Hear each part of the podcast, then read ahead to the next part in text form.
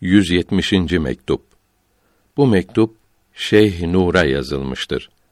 Allahü Teala'nın emirlerini yapmak ve yasaklarından sakınmak lazım olduğu gibi insanların haklarını gözetmek ve onlarla iyi geçinmek de lazım olduğu bildirilmektedir. Allahü Teala'ya hamdolsun.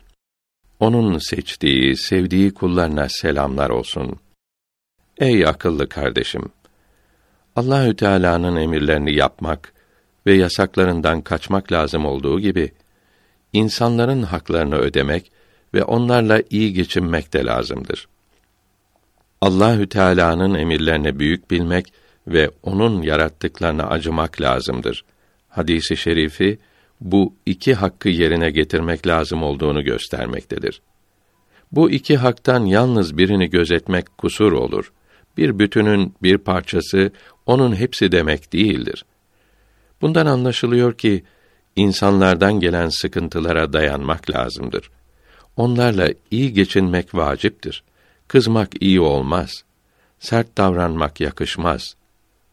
Farisi Beyt tercümesi Seviyorum diyenin güzel olsa da pek nazlılığı bırakıp nas çekmesi gerek. Sohbette çok bulunmuştunuz.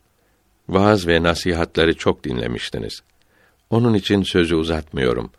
Birkaç kelimeyle kısa kesiyorum. Allahü Teala bizi ve sizi Kaddesallahu Teala esrarehumel aziz İslamiyetin doğru yolunda bulundursun.